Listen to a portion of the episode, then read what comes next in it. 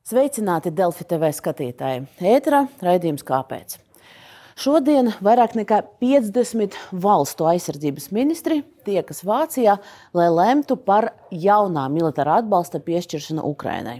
Vai Ukraina saņems kaujas tankus, un vai dzirdīgas ausis atradīs Eiropas parlamenta aicinājumu sarīkot starptautisko tribunālu Krievijas kara noziegumu izmeklēšanai?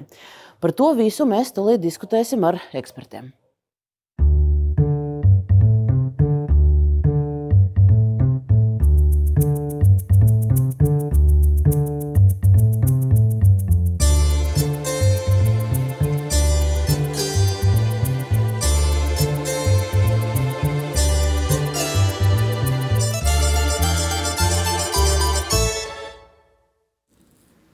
Un studijā mums ir pievienojušies vairāku jomu eksperti. Es stādīšu priekšā viesus, kāpēc studijā. Nacionālo bruņoto spēku majors Zemesardzes štaba virsnieks Jānis Slaidiņš. Labdien! Sveicināti! Domnīcas Atlantika Council dezinformācijas pētniece Nika Aleksejeva. Labdien! Latvijas Ukraiņu kongresa valdes priekšsēdētāja Jana Streļeca. Labdien!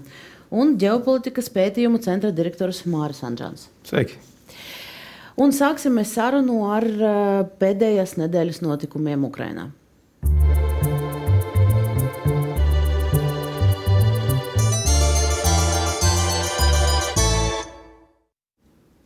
Un gribēju sākt šo sarunu ar pēdējā laikā iespējams šausminošāko un nežēlīgāko Krievijas kara noziegumu daudz dzīvokļu mājas iznīcināšanu Dņiprā. Es domāju, ka vienaldzīgot nav. Un, gan kadrus, gan video no notikuma vietas mēs visi esam redzējuši. Jautājums viesiem studijā un nu, tiem, kas gatavi izteikties, vai, vai šis kārtējais, vai šis vienkārši ir kārtējs nežēlīgais uzbrukums, kuru mēs vienkārši vērojam un, un līdzpārdzīvojam, vai arī jebkādā veidā tas varētu kļūt par, vai ir jau kļuvis par nu, pagrieziena punktu šajā karā. Nu, tas īstenībā nepārsteidz, ja mēs paskatāmies konflikta sākumu kopš 24. februāra, ka pirmajā nedēļā Krievija vēl neveic šo masīvo bombardēšanu apdzīvoto vietu pilsētas, tā kā viņa uzbrukums iestrēga. Tas bija skaidrs, ka viņi sāk pielietot šādu veidu taktiku. Ja, tas ir noticis jau ne tikai, ja mēs par Dņipro runājam, bet savalkot kopā par šiem desmit mēnešiem, tur ir ļoti daudz šādu gadījumu. Ja. Un, jā, nu tā, tāda ir tā krievu taktika pielietotā. Radīt hausu, radīt cilvēkiem bailes.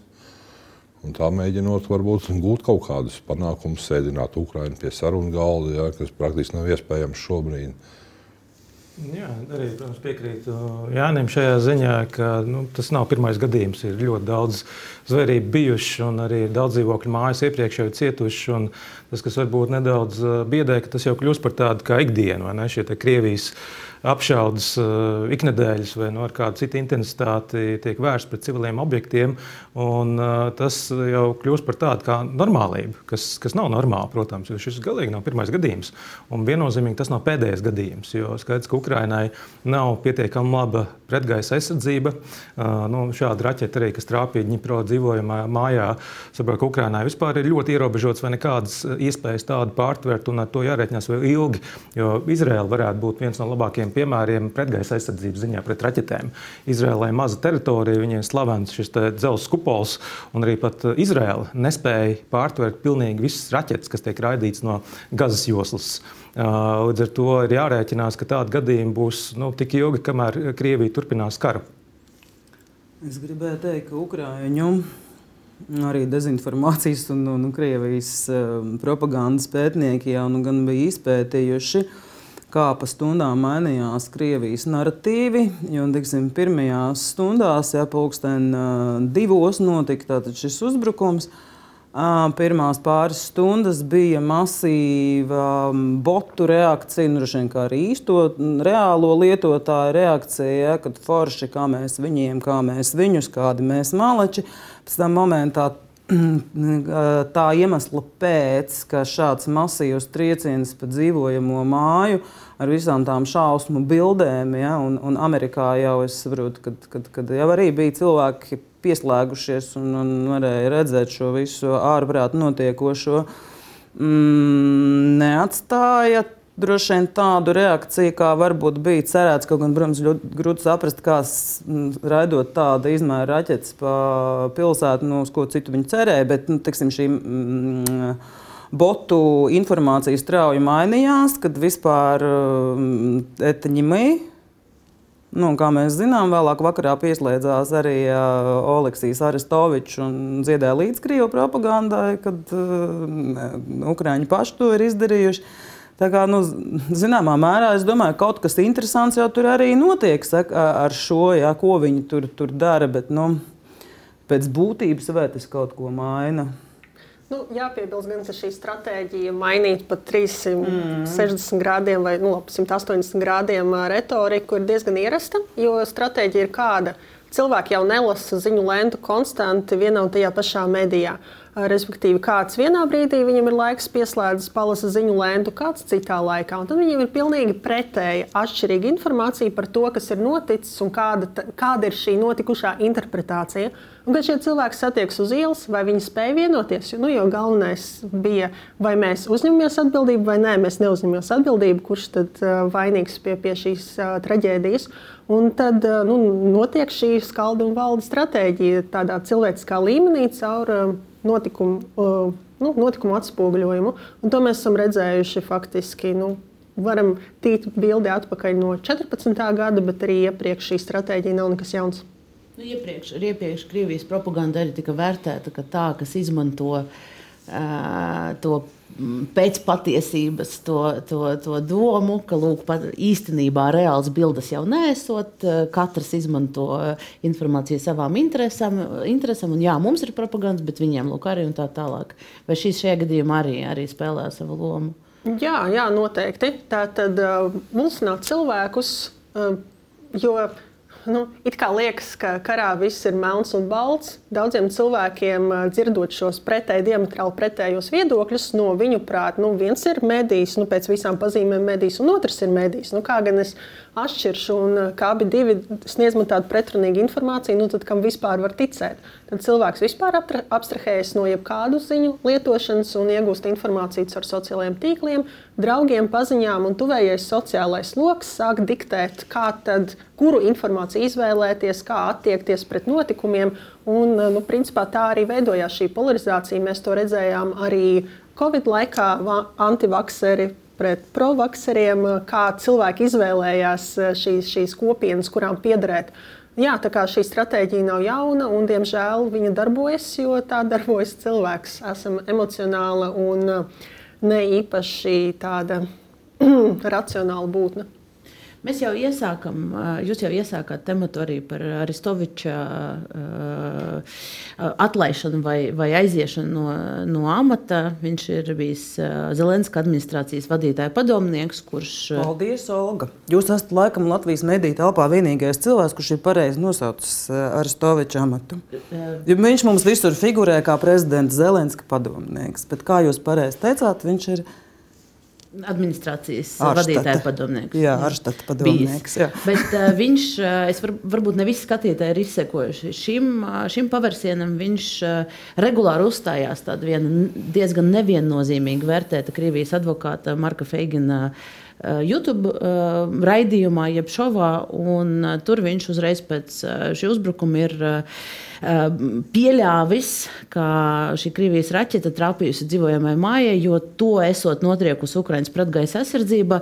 Ukraina oficiāli nu, to bija noliegusi, jo tā, tā nav patiesība, bet nu, Krievijas propaganda uzreiz ir paķērusi šo šo domu. Ļoti, kā, kā jūs tas... uztverat gan Aristoviču kā personību, gan to viņa aiziešanu? Tas jau nav no vienam noslēpums, ka Aristovičs neuztver.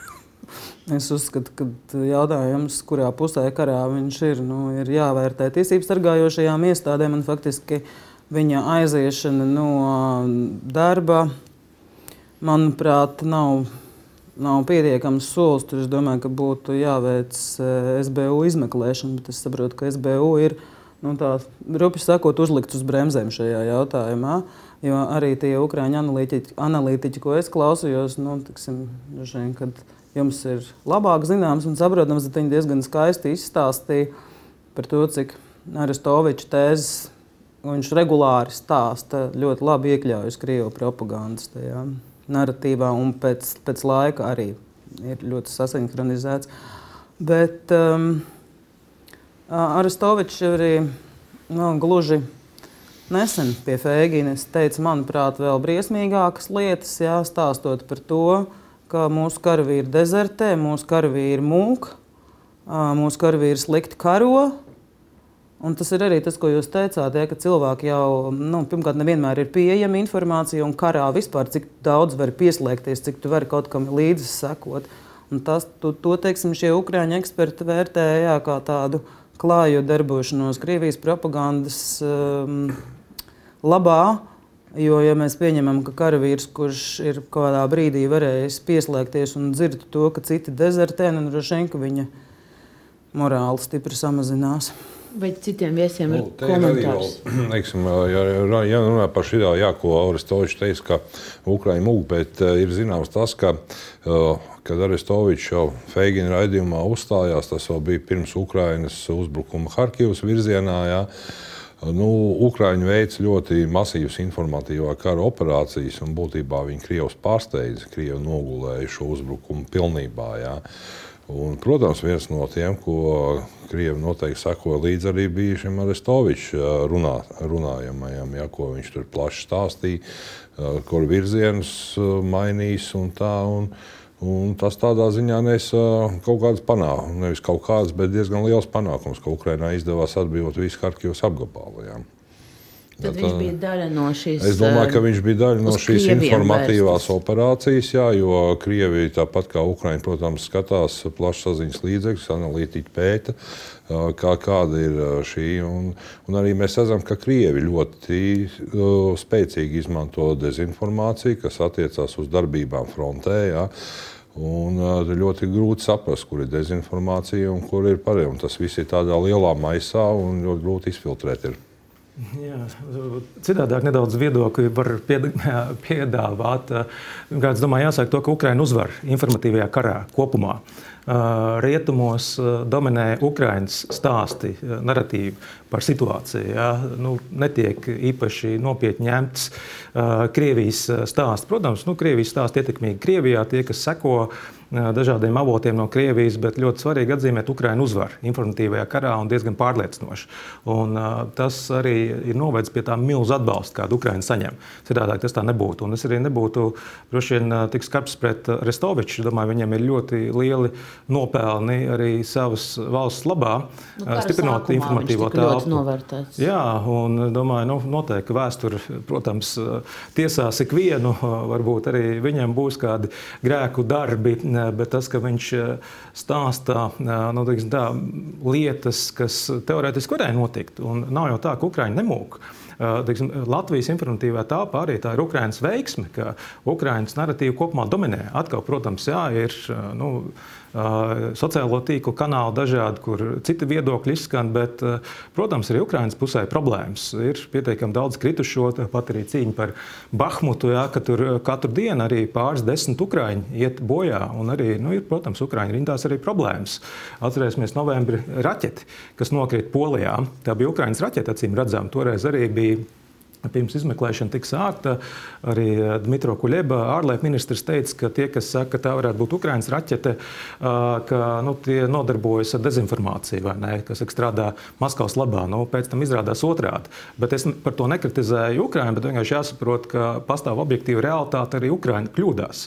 Un šajā gadījumā nu, stāstīt to, ka ir problēmas, jā, ir. Nu, protams, viņam, viņa amatu bijušo ieņemot, ir vairāk jādomā, ko viņš saka informatīvā kara apstākļos. Bet arī nu, mums ir jābūt pietiekami atklātiem un nu, nevaram pārāk rožainu bildi uzzīmēt par to, kas notiek Ukrajinā. Nu, Protams, jūs, jūs pieļaujat, ka tā no viņa šīs izteikums bija drīzāk kļūda, nevis uh, nevis kaut kāds apzināts paziņojums. Varbūt, varbūt jums ir. Uh... Jā, nu, katrā ziņā ir grūti vienmēr izspriest, kas ir bijis apzināts, kas nē. Jo, uh, Kremļa propaganda ir ļoti, ļoti fleksibla un tā nebaidās nonākt pretrunās pati ar sevi. Un jebkurā brīdī izmantos to, ko kāds varbūt lojāls spēks ir pateicis, pārteicies, domājis vienā vai citā virzienā. Tāpēc uh, uzreiz teikt, ka cilvēks ir Kremļa aģents, ja viņš vienu reizi pateicis kaut ko, ko pēc tam Kremlis ir izmantojis, tas nu, nebūtu īpaši patiesībā atbilstoši, jo tāpat mēs arī redzam daudzus mūsu viedokļu līderus uh, Latvijas informatīvajā telpā,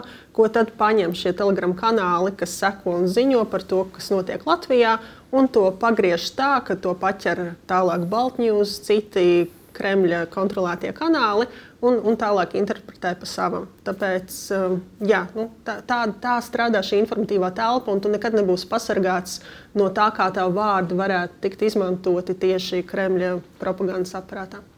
Ja mēs atgriežamies no um, šīs informatīvā kara sadaļas uh, apspriešanas pie, pie tā, kas notiek frontē, vai šobrīd uh, mēs varam īsi pāranalizēt, kas, kas risinās pēdējās dienās un, un uh, cik spēcīgas šobrīd ir Ukraiņas pozīcijas, un vai mēs varam nu, sagaidīt to, to pretuzbrukumu, kur jau ilgi gaida? Jā, nu, tas ir jautājums. Uzbrukums, pretuzbrukums, protams, tas viss būs atkarīgs no, no rietumu sniegta atbalsta, jā, bet izskatās, ka visi darbības liecina, ka Krievi pateicoties šai mobilizācijai, viņi ir nolēmuši turpināt. Jā.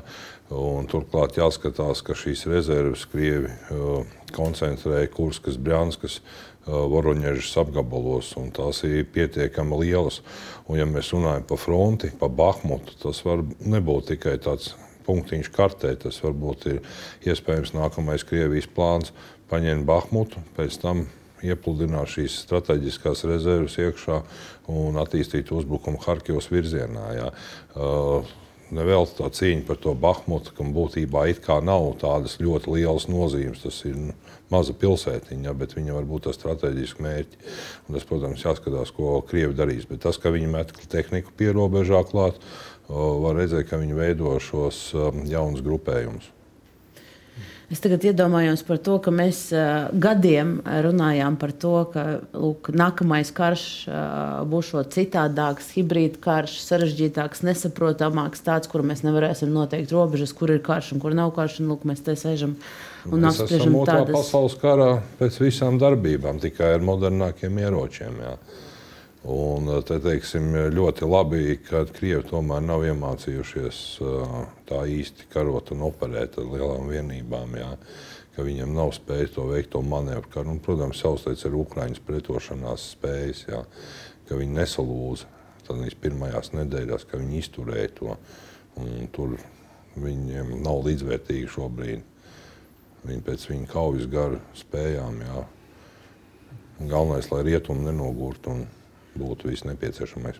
Un runājot par rietumiem, naktī pienāca ziņas no ASV izziņot jauna, jauna militāras palīdzības pakete, 2,5 miljardu dolāru.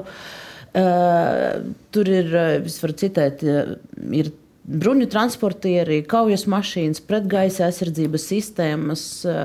Vai jums jau sanāca ieskatīties, kas tur ir, un vai ar šo pietiks, lai tagad nu, pietiekoši Ukraiņai palīdzēt tajā, ko tā vēl sasniegt? Nu, tas, kas nāk, protams, nebūs pietiekoši atbrīvot deokupēt teritorijas. Jā. Bet, protams, patīkami, ka nāk modernā kaujas tehnika, sevišķi kājnieku kaujas mašīnas iekšā, tūlīt arī tanki. Bet tur ir viens ahilē papēdis tomēr no visa šī. Jā. Ukrainai tagad ir tik daudz dažādu veidu sistēmas, kad uh, jautājumu rada, kā tiks nodrošināta loģistika. Jā, ir dažādi veidi bruņtransportieri, kājnieku kaujas mašīnas, tanki. Jā. Nu, būs grūti. Tas tāpēc, ka nāk no dažādām valstīm? Tas ir vai? dažādas valsts, tas ir dažādas tehnikas, tas ir dažādas rezerves daļas. Jā. Un, un tas varētu būt tāds izaicinājums diezgan liels. Viņiem arī vēl padomu laiku tehnika ir. Ja, ka šito visu saliekot kopā, tur ir ļoti plašs sortiments ar bruņojumu. Bet daudz kas no tā, ko gaidīja no ASV, ir skaidrs, ka netiks piegādāts. Ir kaujas tanki nebūs. Tika lūgtas tāla darbības radios raķešu sistēmas, par tām arī vakar uh, atnāca ziņas, ka tas nebūs. Par tankiem pārbraucējiem, teiksim, tur ir jāskatās, kāpēc leopardi. Tāpēc, ka leopardi ir Eiropā, jā, viņi daudz Eiropas valsts bruņojumā, tur ir rezerves daļas. Tas ir tas, ko Ukraiņa sagaida no Vācijas. Es... Jā, Ābrami šeit nav Eiropā loģistikas skatos, Ābram tankus varētu uzturēt. Jā, poļi tagad iepērk, bet viņiem vēl tā ķēde nav attīstīta. Līdz ar to ir pilnīgi bezjēdzīgi dot Ābram tankus, ja nevarēs viņus remontēt, apkopt. Tāpēc Leopards šajā gadījumā tas ir labākais, kas būtu Ukraiņai. Un šīs ir Vācijas lēmums, par to mēs noteikti parunāsim, bet es gribēju noslēgt to ASV lēmumu sadaļu, jo nu, Ukraiņa vairākus mēnešus ir lūgusi piegādāt tāldarbības radiosu raķešu sistēmas. Vakar tika paziņots, ka tās nebūs, un ASV atkal vēlreiz apliecināja, ka ar tās ražoto tehniku nu, neļaus uh, triecienu uz Krievijas iekšienē. Uh, Kāpēc? Cik tālu mums ir jānonāk šajā karā, lai, lai, lai Ukraiņa saņemtu visu, ko tā prasa? Jā, nu, tieši kā mēs šeit diskutējam, Rāmsteinā, Vācijā tiek nu, izziņoti, apspriesti lēmumi, kā palīdzēt Ukraiņai. Protams, kāpēc tagad ir tāda nu, salīdzinoši liela steiga, jo tiek diezgan vienprātīgi gaidīta uh, ofensīva no Krievijas, pavasara ofensīva. Tad viens ir, protams, mēs ceram, ka Ukraina varēs iet pretuzbrukumā, atbrīvot okupētās teritorijas, bet arī ir jāapzinās, ka Krievija tiešām koncentrē masīvus resursus. Arī Ukraiņu ģenerāļi sagaida uh, jaunu masīvu uzbrukumu uh, gan no Baltkrievijas teritorijas, iespējams, gan no uh, Krievijas ziemeļiem, no austrumiem un arī no dienvidiem. Līdz ar to tam ir jābūt gataviem. Ja? Ukrāņu ģenerāļi norādījuši, ka tas var būt janvāra beigās un vēlākais marta sākumā. Tā vien izskatās, ka mēs varam tādā dežūra sajūtā nonākt. Gadu atzīmēt ar faktiski kara sākšanos no jauna. Un, nu, Krievija nav slēpusi, ka tā ir gatava turpināt karu. Arī Ukrāņu ģenerāļi norāda, ka Krievija ir mācījusies no savām kļūdām, ka mobilizācija ir viss to, cik mēs daudz arī varam smieties pamatot, ne? Par to, ka tur sarūšējuši Kalašņikovi tiek doti un nav kur gulēt. Mobilizētiem, nu jā, viss, viss pārējais, bet, nu, es nezinu, varbūt vietā vai nevietā atkal Staļina teiktais un viņam piedāvātais, proti, ka kvantitāte pat par sevi ir kvalitāte. Un to Krievija vienmēr ir izgājusi. Un, kas attiecas uz tiem lēmumiem, es domāju, viņi ir ļoti būtiski. Arī tas, ko ASV, ASV Patriotu pretgaisa aizsardzības sistēmas būs. Un, cik es saprotu, jau Ukrāņi ir nu, jau ASV vai ceļā uz turieni, lai tiktu apmācīti, jo tā ir ārkārtīgi kompleksa sistēma. Un ASV piegādā arī citas pretgaisa aizsardzības sistēmas, tos pašus arī Bredlī, Striker, nu, gan bruņmašīnas, gan kājnieku kaujas mašīnas. Tie ir ļoti būtiski lēmumi. Tas jau ir turpat, turpat pie tanka, nu, tādā saka, hierarhijā. Un es droši esmu arī, ka būs uh, Leopard tanki. Jautājums ir no kurienes un cik ātri. Uh, šobrīd nu, tiešām tie lēmumi tiek pieņemti. Drīzāk, ka šodien nebūs vismaz nu, Vācijas lēmums, bet tas spiediens aug. Polija uh, paziņoja, ne, ka ir gatava tāpat arī Somija. Tas būs un tā palīdz palīdzības pakete tiešām ir diezgan masīva un sabiedrotie apzinās, ka tas ir vajadzīgs steidzami. Ne tikai lai varētu iet uzbrukumā, bet pirmkārt aizsargātos pret Krievijas jauniem uzbrukumiem. Bet, kāpēc jūs esat pārliecināti, ka būs? Jo nu, tikko Davosā mēs dzirdējām, Vācijas pārstāvis ļoti izvairīgi atbildēja uz šiem jautājumiem. Šolca kungs vispār izvairījās par, par šo runāt. Un, uh, Nu, tā viņi ļoti atturīgi ir. Es domāju, ka tur vienkārši tur visa pamatā tomēr ir ekipāžu apmācība. Tāda pilnīgi sveša tehnika Ukraiņas bruņoto spēku karavīriem, kuri visu laiku ir braukuši padomju sistēmu kaujas tankiem. Tātad šeit jau ir daudz nu, jaunāka, modernāka elektronika iekšā, un, protams, tas viss ir jāapgūst. Jā. Nu, nevar iemācīt, nu, šautu var iemācīties ar automātu piecās minūtēs, jā. bet vadīt kaujas mašīnu, kur ir pavisam citas tehnoloģijas iekšā, tas prasa laiku. Un nevar jau apmācīt tur simt cilvēkus, to būs pa maz. Jā. Tātad jā, jāsaveic šī ekipāža apmācības saliedēšana, taktika, tanko, jā, tur viss ļoti plašs spektrs ir. Jā, Mēs... es, es domāju, ka tas noteikti šis ir ļoti svarīgs aspekts, jā, bet es domāju, ka tas ir politisks lēmums. Jo, domāju, Ukraiņi tas, ko viņi ir ļoti labi parādījuši, viņiem kāda tik tehnika tagad nav pašgāja haubits no, no Vācijas, no Francijas, ASV ražotas dažādas ļoti modernas sistēmas. Un, uh, kara sākumā atcerēsimies, bija stāsts par to, ka vispār piegādātu no sākuma padomju ražojumu. It kā Ukrāņi nu, ne, nespētu iemācīties uh, rīkoties modernāk tehniku, un tas, ko Ukrāņi izdarījuši, viņi ļoti labi izmanto visus gan Haimers, uh, nu, labi zināmos tāls darbības, precīzās artilērijas sistēmas. Tagad, nu, es domāju, ka šeit ir primāri politisks lēmums, un tas ir kancleram jāpieņem. Un uh, Vācija arī, es domāju, milzīgi progresu izdarījusi. Mēs, protams, varam kritizēt, jākritizē Vācija daudz, uh, bet atcerēsimies, kā viss sākās, sākās ar ķiverēm. Tajā laikā, kad uh, cits valsts nopietni bruņojumu piegādāja. Vācija ir gājis tālāk un tālāk. Šobrīd jau ir skaidrs, ka kainieku kaujas mašīnas Mardēra tiek piegādāts arī patriotu pretgaisa aizsardzības sistēmas. Kā, nu, Vācijas ieguldījums ir milzīgs, jā, bet ir jāiegulda vēl vairāk. Viņiem ir jāpalīdz vēl vairāk. Bet kas trūkst tam politiskajam lēmumam, ja mēs, ja mēs runājam par to, ka šis tomēr ir tas un, un pieļaujam, ka tas vēl nav pieņemts? Nu, jāatcerās, no kurienes Vācija nāk. Šeit arī tādas nu, ļoti dažādas valsts, bet abas vēstures vajāts - Krievija un Vācija. Putins tikko šonadēļ Sanktpēterburgā runāja par nacismu Latvijā. Visu laiku šis narratīvs pilnīgi apstrādājis par nacisma vajāšanu, izskaušanu bijušajā Padomju Savienības tāpā un līdzīgi. Vācija arī ir milzīga vēstures stigma, milzīgs kauns, bailes par, par nu, kaut kā atkārtošanos nākotnē. Tad holokausts, visas briesmu darbi, ko nacistiskā Vācija pastrādāja. Un pēc otrā pasaules kara Vācija tika sadalīta okupācijas zonās, Austrumvācija, Rietumvācija. Un um, Vācija arī bruņotos spēkus attīstīja tādus, ko tā nekad nevēlējās īsti pielietot. Un, uh, Vācija arī ļoti attīstītas pacifistiskās idejas. Ja? Arī līdz kara sākumam teica, mēs nepiegādāsim bruņojumu uz konflikta reģioniem, jo nu, tas var tikai kaitēt. Vācija ir milzīgi pagriezieni izdarījusi, tā sauktā Zeitenwende, uh, kā Šovs to nodēvēs. Tad nu, liels pārmaiņas drošības un ārējā politikā. Līdz ar to ir vēsture un arī sabiedrības viedoklis nav tik viennozīmīgs uh, nu, par tanku piegādēm, pa piegādēm kopā. Tā, Vācija Vācijai nu, nav tik viegli mainīties. Mēs daudz prasām, bet noteikti būs tanki. Un, ja ne šodien, tad es domāju, tas ir nu, nedēļu jautājums. Bet tas ir jautājums par, par Vācijas sabiedrības viedokļa izmaiņām. Tur droši vien ir jautājums, cik, cik liela loma tur Krievijas propaganda ir pašā Vācijā. Mēs esam redzējuši, ka Vācija ir viena no pirmajām valstīm, kur Kremļa propaganda vēlas gūt kādu ietekmi.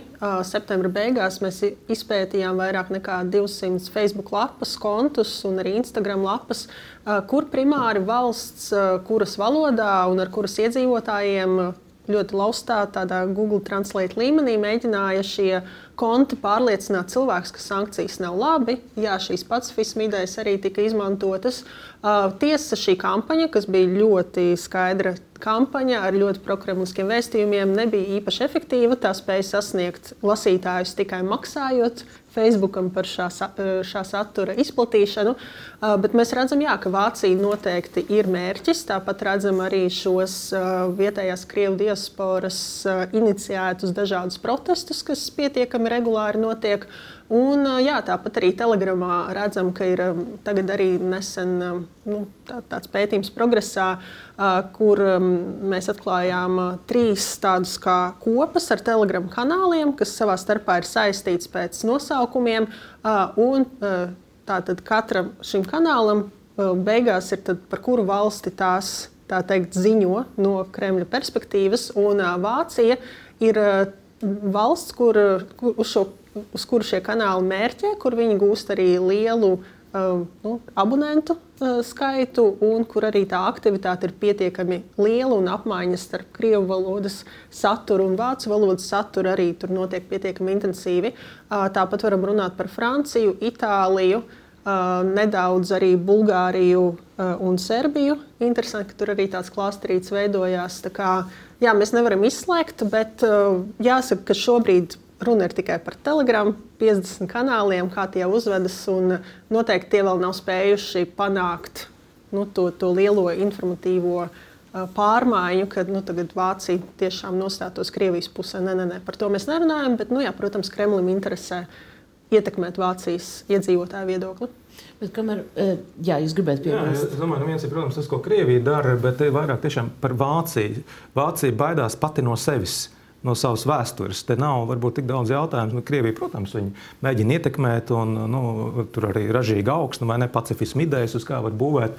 Bet Vācija tiešām baidās pati no sevis. Un, un tas, ko nu, Baltijas valsts un citi daudz stāsta, ka mēs nebaidāmies no Vācijas rīcības, bet no Vācijas nerīcības. Tad, tad Vācijai ir jābūt aktīvai. Un, nu, sabiedrība nevar tik vienkārši ātri mainīties, kur skolās daudz viet stāsta par vēsturi, ka tāda nekad nedrīkst atkārtot, kas arī saistīts ar militarizāciju. Nu, Bet, ja tas, ko jūs sakat, ir, ka pēc divām vai dažām nedēļām varētu būt šis lēmums, ko tad viņš šajās divās nedēļās izdarīs, lai, lai mainītu šo perspektīvu, kas veidojas eh, gadu desmitiem? Nu, sabiedrība nevar izmainīt tik ātri, un arī visu politisko kultūru. Un jautājums ir, nu, ir politiskie līderi, kas seko sabiedrības viedoklim, ir kas veido viedokli. Nu, mana cerība ir, ka Šalts vairāk veidos, ietekmēs sabiedrības viedokli par to, kā sabiedrība domā. Un šeit arī nu, nav tā, ka tas ir 90% pret 10%, ja, ka to nevajag. Tas nav tik ļoti pretrunīgs lēmums. Ja, tas vienkārši skaidrošanas jautājums. Nu, kā ja Vācija piegādā artērijas sistēmas, tās pašas pancerhaubas haubits, kas vizuāli nu, ir līdzīgas ir eh, tankiem vai, ne? Eh, vai arī eh, tāls darbības artērijas sistēmas, pretgaisa aizsardzības sistēmas, kājnieku kaujas mašīnas. Nu, kāpēc ne tankus? Nu, tur ir, protams, neliels pakāpiens uz augšu, bet tas nav vairs tik tālu. Tā es domāju, līdz tam nonāks. Jo šobrīd Vācija tiek ļoti aktīvi kaunināta. Polija nekautreiz kaunināta, ja, ka labi, vācieši nedos atļauju leopārdu nodošanai, mēs tāpat nodosim tālāk. Ja. Tāpat arī Somi pateikuši, ka gatavi to darīt. Un es domāju, domāju, arī poļi kaut vai tīri, lai pakaitinātu Vāciju, to izdarīs. Un Vācija nu, nesmuki izskatīsies uz starptautiskās sabiedrības skatuves. Un arī domāju, tas ietekmēs arī iekšējā sabiedrība Vācijā. Nu, redzam, ka vācieši jau vispār prasīja kontribūcijas par otro pasaules karu. Jā, visu laiku. Jā, lai... jā, tā kā viņi ir interesanti. Nu, poļi ļoti, ļoti, ļoti, kā saka, dzīves attiecības, un tas tāds daudz plašāks jautājums. Tā kā, domāju, droši, ka poļi ies uz priekšu arī bez, bez Vācijas Vācijas eh, atļaujas? Nu, ja Vācijā ir rūpēta droši vien savu vēsturi un kaut kāds imiņš, tad viņi varbūt vairāk padomāt par to, cik ļoti viņiem teica, ka nevajag būvēt Nord Stream 2 un ka tas nav tikai ekonomisks projekts, par ko tas viss ir izvērsties, un tomēr vairāk ieklausītos savos mazajos austrumu brāļos. Uh, Sledņkungs jau iesāka uh, tematu par reparācijām un kontribūcijām, un tas ir viens temats, kas arī šonadēļ uh, tika pacelts. Eiropas parlaments uh, prasa vakar, vakar nobalsoja, lai oficiāli lūgtu sarīkot īpašu starptautisku tribunālu, uh, lai sauktu pie atbildības Krievijas politisko un militāro vadību un tā sabiedrotos. Līdzīgs aicinājums vakar izskanēja arī no Ukraiņas prezidenta Valdimira Zelenska. Mēs varam uh, noklausīties nelielu fragment no viņa uzrunas. Russia must be brought to justice for every burned Ukrainian city and village, for every destroyed life, for every Ukrainian family killed by Russian missiles, bombs, and mines. We must bring back justice. We can bring back justice. We must punish evil. The International Criminal Court had the jurisdiction to prosecute Russian war criminals. Nu, tādā tādā uh, iespējams uh, daļai primitīvā līmenī, bet jautājums ir, ja mēs skatāmies jau gandrīz gadu uz visām tām zvērībām un acīm redzamiem kara noziegumiem, kāpēc tribunāls vēl nav, kāpēc mēs jau nesākam uh, oficiālajā līmenī Eiropas Savienībā saukt lietas un, un piešķirt tiem juridisku spēku. Pirmkārt, lai jau tiesātu šos kara noziedzniekus, jā, tad Krievijas režīmam ir jāsabrūk, jānāk ir citai politiskajiem spēkiem. Jā. Redzam, kā bija ar Mēģu 17. Jā. Bija apsūdzētie, bija zināms, Krievijā likums, ka viņi neizdod savus pilsoņus. Tagad arī, nu, kurš piespiedīs visus šos kara noziedzniekus ierasties teiksim, Hāgas tribunālā. Jā. Nu, mēs varam runāt tikai, ja šī režīms sabrūk, jā, kas ir maz ticams, jā, jo Putina aiziešana tur jau nekas nemainīsies. Tur domāšanu būs grūti mainīt. Jums Tas, protams, ir politiski ļoti svarīgs šāds lēmums pieņemts ja, Eiropas, ja, kad uh, viņi atzīst, ka Krievija veids noziegums. Nu, tas ir pagaidām vienīgais tāds, uh, kas ir. Bet nu, es ļoti ceru, ka pienāks laiks, ka viņus varēs tiesāt visus. Bet jums šķiet, ka tribunāla ideja ir nu, nerealizējama? Šobrīd, šobrīd nerealizējama. Jā, nu, ir tas teiciens, ka vēsture raksta uzvarētāji. Un, nu, šeit ir jāgaida, domāju, tālāk attīstība, karš, lai noslēdzas. Ir pietiekami daudz piemēru, vai ne? Startautiskais tribunāls bijušajai Dienvidslāvijai vai Ruandai. Citu gadījumu atcerēsimies arī Slobodans Miloševičs, bijušais Dienvidslāvijas prezidents. Nu, gaidījām diezgan ilgi. Nu, viņš savu spriedumu nesagaidīja, bet viņš to nesagaidīja cietumā. Viņš nomira cietuma kamerā. Un, nu, es arī nebūtu tā, nu, ļoti optimistisks par to, ka izdosies nu, šos vaininiekus saukt pie atbildības. Bet ļoti labi, ka Eiropas parlaments pieņēma rezolūciju. Nu, tā, protams, nav saistoša.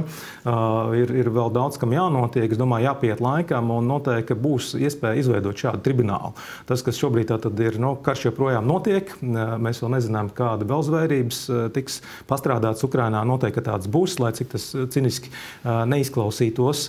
Un, nu, skaidrs, ka arī rietumi, nu, rietumi pa lielam, nu, būsim atklāti, citiem īpaši nerūp tik daudz, kas notiek Ukrajinā. Protams, ir Austrālija, Jaunzēlanda, Japāna, Dienvidkoreja, bet pamatā tie globālie rietumi, ja? ne, ne visa pasaule kopumā. Un, nu, rietumos arī neliela bāža, protams, ka Krievija nu, var nākties sadarboties. Krievijā joprojām lielākais kodolieroču arsenāls pasaulē ja? no energo atkarības lielā mērā jau būs izdevies nu, dažādos sektoros tikt vaļā, bet nu, Krievija ir nu, liekas, tik liela valsts nu, dažādā ziņā ietekmīga, nav tikusi tiesāta nu, kā, kā valsts augstākās amatpersonas. Vai ne, protams, runāt par Nīderlandes tribunālu, par Vāciju, nu, nacistisko Vāciju, bet tad viņi bija sakauti un, un, un tad bija visas iespējas saukt pie atbildības. Es domāju, noteikti ļoti labi, ka parlaments pieņēma Eiropu šādu rezolūciju. Arī ļoti labi, ka Egīls Levits aktīvi runā, nu, ka šāds tribunāls ir jāveido un domāju, ka kaut kad pie tā mēs nonāksim, bet vēl ne tagad. Nu, viens droši vien ir, ir šo noziedznieku vārdā saukšana un, un tiesāšana, bet otrs ir tiešām kaut kāda veida kompensācija no Krievijas puses pēc kara beigām, jo tas ir arī tas, par ko Zelenskis šajā, šajā video, tajā pilnajā fragmentā runāja, ka Krievijai ir jā, jāmaksā. Vai to mēs varēsim sagaidīt? Vai, mums ir, vai mēs varam cerēt uz to? Nu, Latvijas okupācija Krievija joprojām nav atzinusi, kur vēl, kur vēl par reparācijām.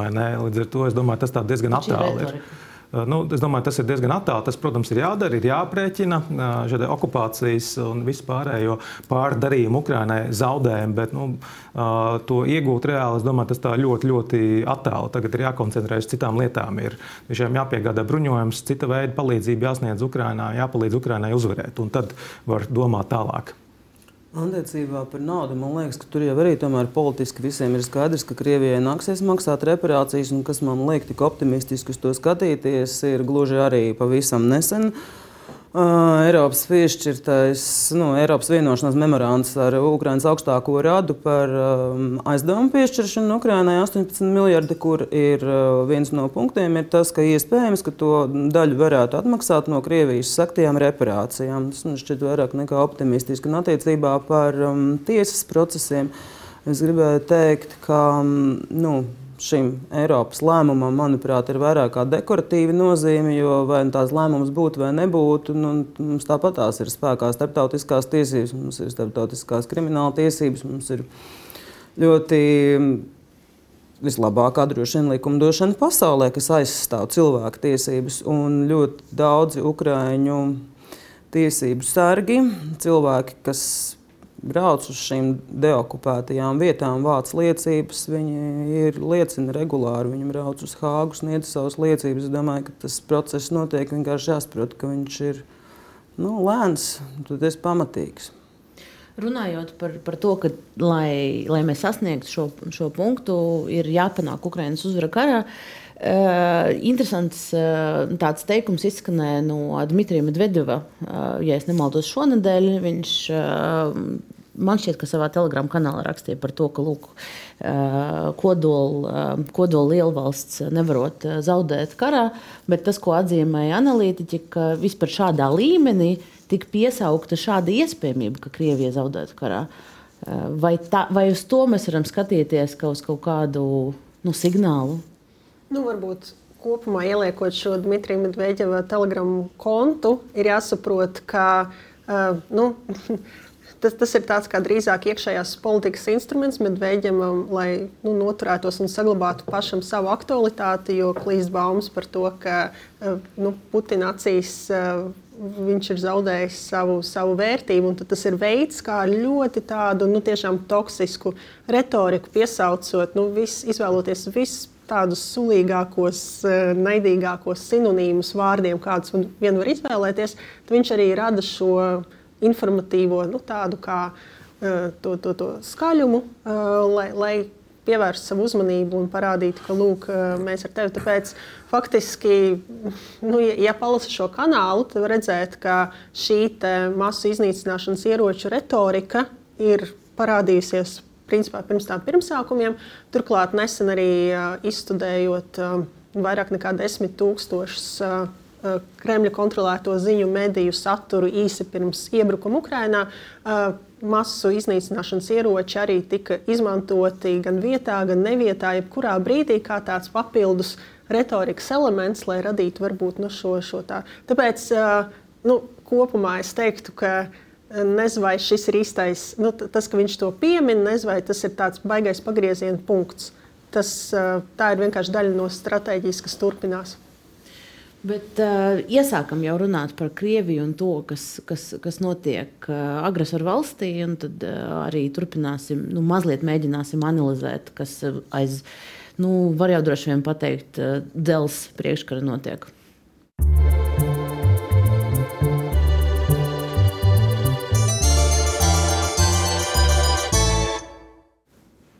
Arī vakar parādījās diezgan daudz bilžu sociālajos tīklos ar pretgaisa raķešu un lielgabalu uzstādīšanu uz dažādām, eka, uz dažādām ēkām, uz jumtiem Maskavā. Mēs varam paskatīties tās bildes. Tad tur ir uh, iestādes, ir, ir aizsardzības ministrijas ēka arī pašā Maskavas centrā. Vai šim ir vispār jebkāds racionāls skaidrojums? Nu, vai tie ir, tie ir īsti. Ko, ko tas varētu nozīmēt? Šitā mēs arī vakar sākām skatīties. Es šim vispār jēgu neredzu. Vai tas ir vienkārši mācība, vai radīt kaut kādu iespēju. Uh, pretgaisa aizsardzībai jānotriec ir, tā, ka Krievi saka, ka viņiem ir unikāla, nav uh, analoga pasaulē. Ja mēs redzam, kāda ir, caurumi viņai. Pretgaisa aizsardzībai jau būtu jānotriec pretinieka raķetes jau vismaz 300 km pierobežā, jau kur nu vēl virs Maskavas, ja, kas nebūtu. Es šo uzskatu vispār tādu. Nu, man pat nav izskaidrojumi, kāpēc. Tas tā celt pants ir pašgājēji augšā uz jumta. Nu. Jo, lai uzstādītu kaut ko uz Krievijas aizsardzības ministrijas jumta, nu, tur jābūt visaugstākā līmeņa saskaņojumam. Šis nevar būt kaut kāds nu, militārais joks. Vai, vai ir citiem varbūt skaidrojums, kas varētu būt? Domāju, ka nu, tomēr var būt arī patiesas bailes par to, ka Ukraiņi arī var veikt triecienus uh, arī par kādiem objektiem Maskavā. Nu, Ukraiņa jau pietiekami daudz ir rīkojusies. Tas nav tikai Krimā vai ne. Pret kuģiem bezpilota peldlīdzekļus vēršot, gan arī nu, dronus, tāpat arī par lidlaukiem Krievijas teritorijā. Jā, nerunājot nemaz nu, pāri uh, robežai, kur arī Ukraiņi ar helikopteriem reidus ir veikuši. Es domāju, nu, to Krievi neizslēdz uh, pilnībā, ka uh, Ukraiņi arī var vēst kādus triecienus pa mērķiem Maskavā. Bet viņi tik ļoti netic savai šīs aizsardzības spējai, ka domā, ka tā, tas, tie, tas raķetes vai jebkas varētu tikt tik tuvu aizsardzības ministrijas ekai, kas ir pašā, pašā Maskavas centrā. Tur būtībā, būtībā tur ir.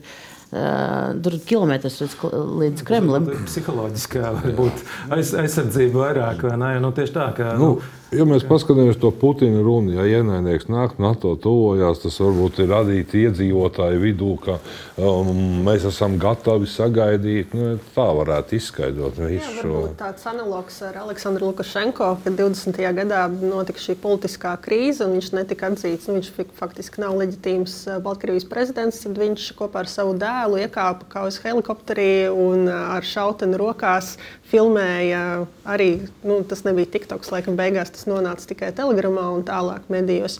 Tieši tā, lai parādītu, ka es jums tāpat savu mīļo Baltkrieviju neatdošu, un tāds retorisks paņēmiens, izmantojot šo mačo tēlu, Uh, iespējams, ka šeit ir mēģināts kaut, kaut ko līdzīgu panākt. Jo sākumā tiešām bija smiekli, bet beigās tas jau kļuva tā leģitimizēts un, un, un tā teikt, izmantots kā daļa no Lukašenko šī tēla, ar ko tad varbūt kāda Baltkrievijas daļa arī vēlas asociēt savu valsti. Jā, bet šo vienlaikus Krievijas varas iestādes nekā neskaidro.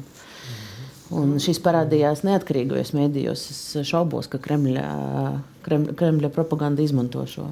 Es, es arī nu, pilnībā neizslēdzu, ka varbūt viņi saskata kādu praktisku arī nozīmi. Pancers jau vai ne, viņš arī nu, spēja tuvu uh, lidošanu. Jā, nu, tas, teiksim, tā, ja, ja nav tālas darbības uh, sistēmas pārtvēruši, nu, tas var būt nu, tā, ka pēdējā iespēja, ja, uh, ka tas varbūt liecina par kaut kādu tādu nu, mazu iespēju, jo nu, tiešām, ja viņi to nav reklamējuši, nekādā veidā izmantojuši, es pilnībā neizslēgu, ka ir kaut kāda neliela uh, uztraukums uh, par to, ka nu, Ukrāņi izmantojot atkal padomu laiku vēl ražojam šos bezpilota lidaparātus, ko viņi laid pa lidlaukiem, ka tādu pavērš pret Maskavu. Ja, un, un tad es domāju, ja trāpa tāds un nodara nopietnu postījumu, tad tas ir nu, ļoti slikti Krievijas sabiedrības acīs. Tas var būt tāds nu, psiholoģisks trieciens nu, Maskavā, kur, nu, kur rāda sižets vai ne, ka dzīve nu, turpinās kopumā. Nav McDonald's vai ne, citu rietumu produktu, bet kaut kā dzīve iet uz priekšu. Mēs sankcijas tik ļoti nejūtam. Kāda informācija viņa izlūkošanas dienestiem, jā, kāpēc taisni tur, jā, un nekur citur.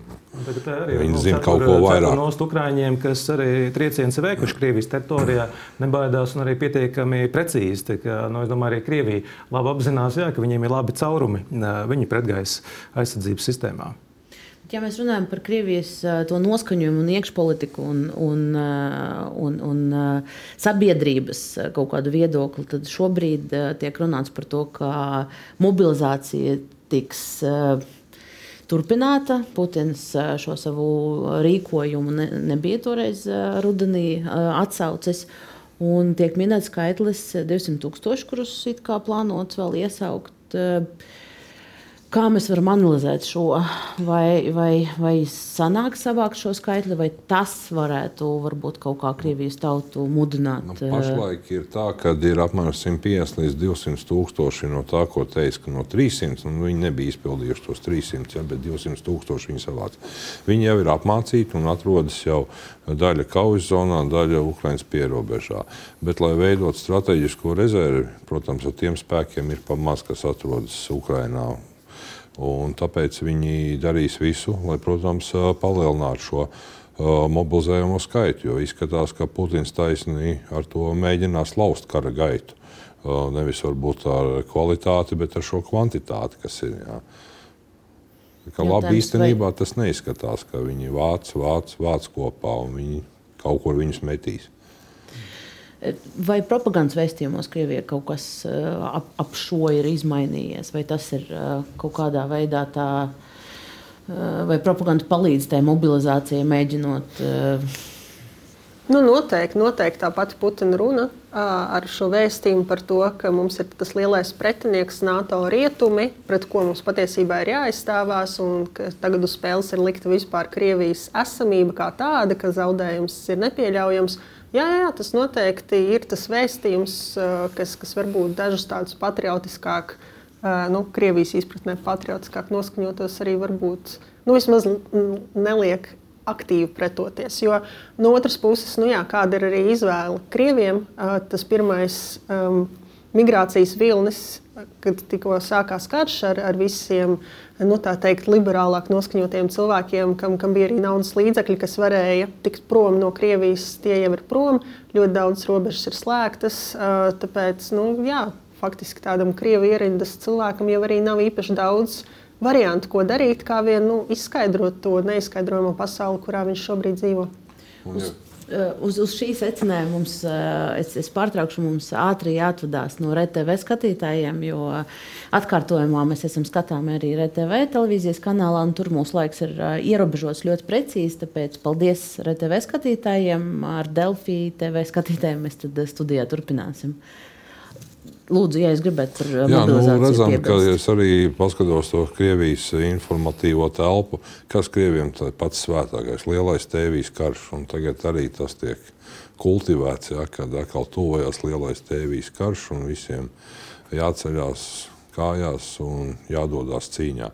Un ar to var manipulēt, izskatās, jā, lielā mērā ar šo domu. Zelenskis gan nesen ir apšaubījis to, ka Putins eksistē vispār šajā pasaulē un piesaucis viņa runas, kuras esot ierakstītas uz šī virtuāla fona, kuru varot mainīt. Bet nu, šīs arī droši vien ir tāds retorisks paņēmiens, lai apšaubītu pretinieku un viņa kaut kā nu, pazeminātu pasaules acīs. Man liekas, Putins tikko ļoti dzīves izskatījās, eh, kur Latvija atkal vainoja visādos grēkos. Nu, tas gan tas... varēja būt ieraksts no 14. 13. gada. Iespējams, bet nu, tāds viņš jaunāks izskatījās. Bet, domāju, nu, tas tiešām Zelenskis vairāk tāds retorisks bija. Viņam laikam vajadzēja toreiz pa mieru, un viņš tagad pat nezina, ko runāt vispār. Vai tur ir kāds tajā uh, otrā pusē. Bet, kas attiecas vēl uz mobilizāciju, uh, es domāju, ka mobilizācijas vēl viens vilnis visticamāk arī būs. Un, uh, nu, tas arī parāda to, ka Krievijas sabiedrība ir sagrimojusi. Tur, protams, ir eh, protesti, neapmierinātība, eh, bet tas arī nu, neko labu neliecina par Krievijas sabiedrību. Nu, skaidrs, ka ļoti stingra kontrole, drošības dienesti aktīvi strādāja, bet nu, tas, kā Krievijas sabiedrība sagrimoja pirmo mobilizācijas vilni, es domāju, nu, var diezgan droši liecināt, ka būs nākamais eh, un arī tam Krievija izies cauri bez milzu protestiem.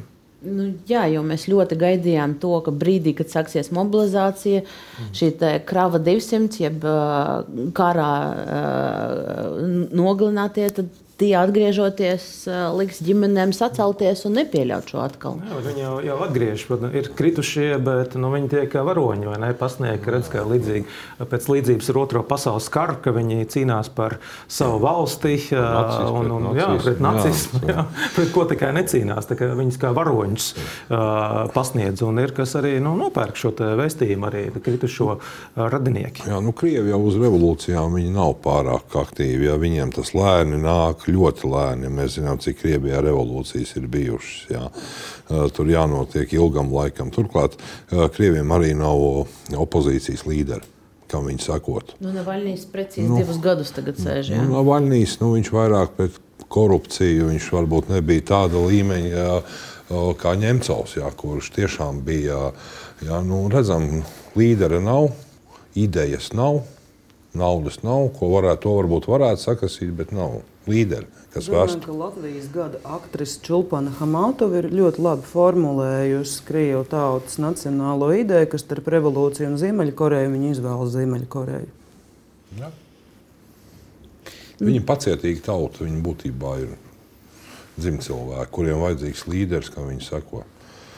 Nu, tik tālu par Krieviju secinājumi, bet uh, raidījuma noslēgumā es gribētu atgriezt mūsu Latvijā. Mūsu situācija te arī ir daudz ko apspriest, jo projām mēs redzam, ka arī gandrīz uh, gadu uh, kāram risinoties, uh, nu, ne visi uh, Latvijas sabiedrības uh, pārstāvji ir gatavi nostāties viennozīmīgi Ukraiņas pusē, un par to īsi arī parunāsim.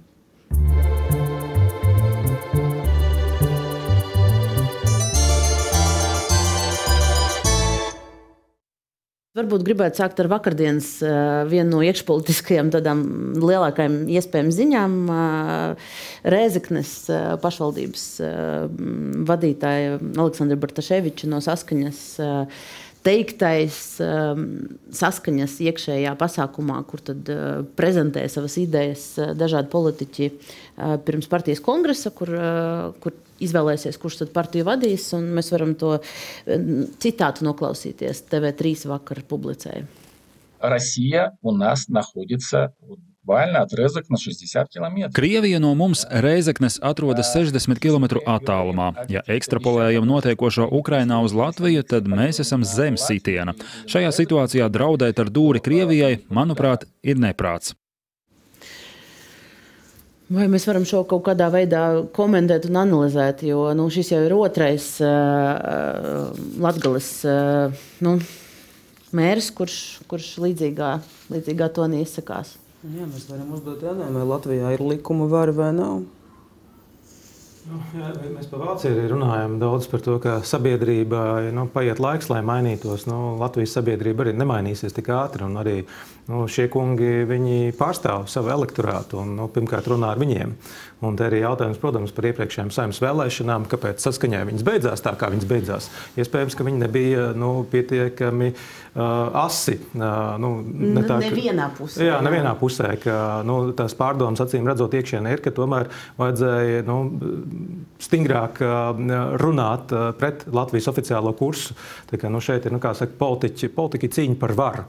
Ja nu, necīnās par varu, tad nu, tie nav politiķi visdrīzāk. Un, nu, šeit arī viņi meklē savu vietu, pārvērtē, kāda ir partijas nākotnē. Tā, nu, tāda uh, var uh, saprast tos viedokļus, bet nu, sabiedrībai un politiskajai elitei vajadzēs vairāk laika, lai mainītos. Ar vienu gadu tas būs pamazs.